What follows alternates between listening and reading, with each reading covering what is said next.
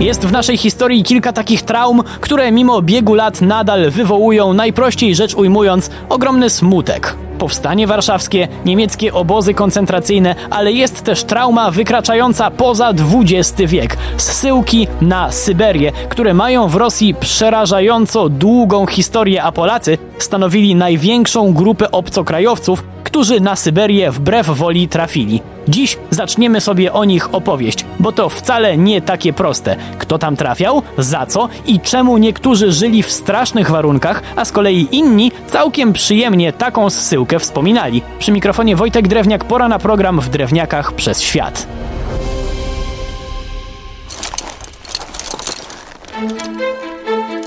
Wiem, że dziś dość ciężko wyobrazić sobie zesłanie na Syberię jako akt łaski miłościwego władcy, ale przez setki lat taka właśnie była narracja w carskiej Rosji. Państwo to zaczęło rozrastać się na wschód od końca XVI wieku i szybko zdano sobie sprawę z tego, że do ogarnięcia tych ziem potrzeba ludzi. Mało kto chciałby tam jechać z własnej woli, co prawda, ale to nic, bo przecież można tam wysłać więźniów, którzy pomogą ucywilizować te gigantyczne tereny. Wiedząc to, nie powinien już tak bardzo dziwić ukaz carski z XVII wieku, w którym czytamy: Wielki pan darowuje przestępcom karę śmierci i zamienia ją na zesłanie osiedleńcze na całe życie wraz z rodzinami i dziećmi na ziemi ornej na Syberii.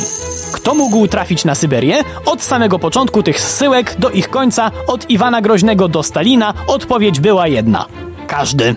Bowiem już właśnie Iwan Groźny zesłał w głąb kraju szlachciców, którzy mu przeszkadzali, oskarżając ich o zdradę. A jak wiadomo, zdrada to bardzo szerokie pojęcie i od 1553 roku na zsyłkę trafiali pospolici złodzieje, fałszerze, szlachta, duchowni, każdy, kto wadził władzy. Przy czym nie każdy był tak samo traktowany. To pewien stereotyp, który wypada sobie odczarować. Oczywiście w różnych okresach caratu różnie to wyglądało, ale warto sobie pewne kwestie rozdzielić, bo było kilka rodzajów zsyłki. To surowe carskie dożywocie z cytowanego ukazu nie było jedyną możliwą karą. Można było trafić na przykład na zamieszkanie, czyli od dwóch do pięciu lat na terenie jednego z miast w głębi kraju. Taką karę dostawali zazwyczaj zbyt ambitni szlachcice, żeby im szybko pokazać, gdzie ich miejsce, ale jednak nie eliminować kompletnie z życia publicznego. Po odbyciu kary mogli wrócić do domu. Szlachcice skazani na karę osiedlenia, co prawda po odbyciu kary i powrocie, przez 5 lat byli pod policyjnym nadzorem, ale w czasie zsyłki dostawali taką, nazwijmy to, rentę. A chłopi czy mieszczanie skazani na taki sam wymiar kary? Nie. Oni nie dostawali nic.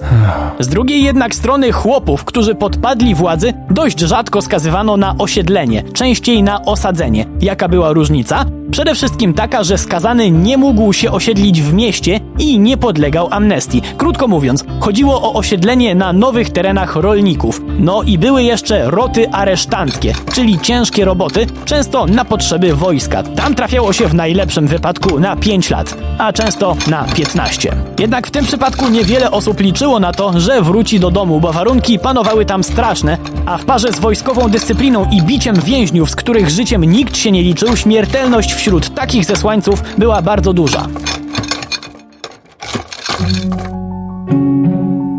Ten podział na typy syberyjskich zsyłek pozwala lepiej zrozumieć, czemu w niektórych pamiętnikach zesłańców znajdziemy fragmenty w stylu każdy robił to, co jemu było wygodne. Władza do niczego się nie mieszała. Pracowaliśmy mało, a przede wszystkim podziwialiśmy przyrodę.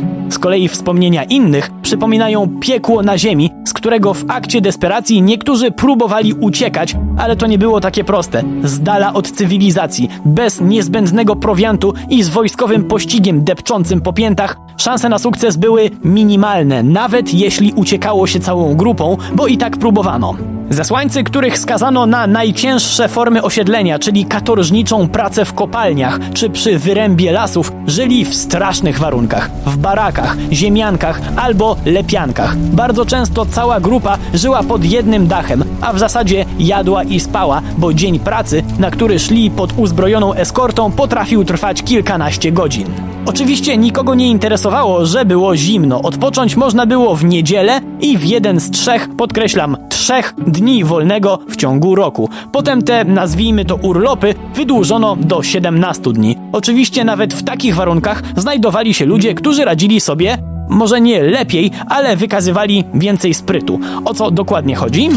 Ano o to, że czasem skazańcy za pracę dostawali śmieszne, ale jednak pieniądze, po kilkanaście kopiejek w tygodniu. Bardzo mało, ale na potrzeby gier hazardowych wystarczy. Ci, którzy na takich grach zgarniali pieniądze albo pożyczali swoje na procent, stawali się bogatą elitą więzienną i często wykupywali sobie zastępstwo, unikając wyniszczającej pracy. A ilu Polaków trafiło na Sybir za carskich czasów? Kogo uznaje się za pierwszego naszego rodaka, który został zesłany? Kim byli kolejni? O tym opowiem już w naszym kolejnym spotkaniu. Przy mikrofonie był Wojtek Drewniak. Do usłyszenia.